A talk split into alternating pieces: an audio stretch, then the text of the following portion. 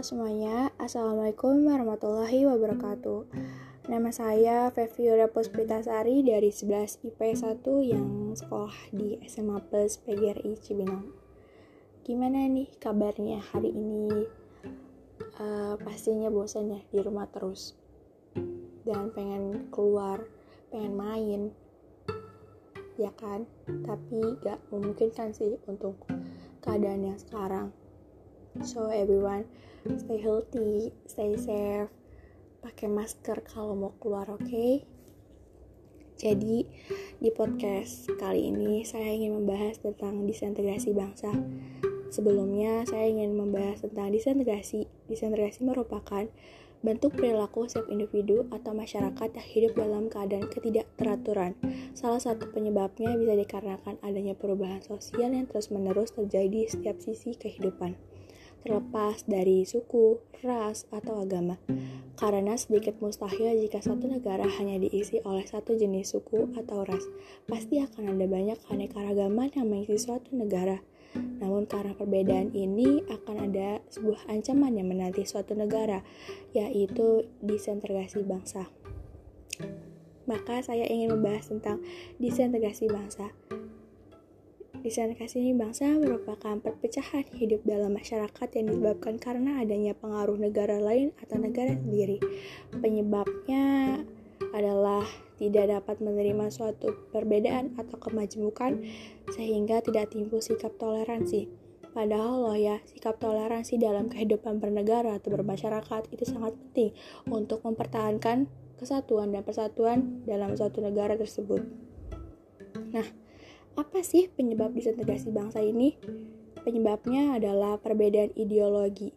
Pastinya setiap negara punya ideologi masing-masing yang juga harus dimiliki oleh para warga negaranya.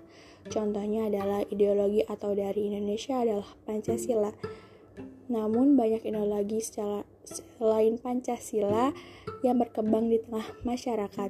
Keberadaan ideologi selain Pancasila tersebut dapat mengancam persatuan dan dapat menyebabkan kehancuran pada suatu tatanan hidup masyarakat seperti komunisme, marxisme, dan lain-lain. Yang kedua, demografi yang timbang. Ketika pemenuhan kebutuhan tidak seimbang, rakyat akan berlomba-lomba untuk memenuhi kebutuhannya, dan ini akan menimbulkan rasa kecemburuan yang angkat menuntun berbagai hal dan bisa berakibat perpecahan. Yang ketiga, menurunnya tingkat toleransi di tengah masyarakat. Balik lagi yang saya sudah sampaikan adalah toleransi sangat penting dalam hidup bernegara dan bermasyarakat. Nah, apa sih dampak di sentragasi bangsa?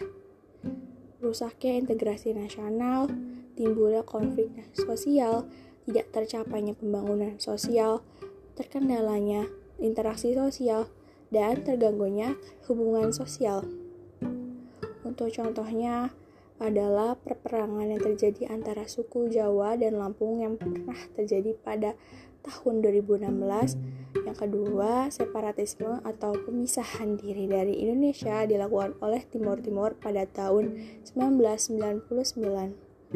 Dan yang terakhir, ketiga, PKI, Partai Komunis Indonesia yang secara sengaja akan menjadikan Indonesia sebagai negara tanpa agama. Padahal, hal ini jelas-jelas merusak tatanan aturan termasuk mengingkari bunyi Pancasila pertama yaitu keutuhan yang Maha Esa. Jadi segitu aja podcastnya hari kali ini.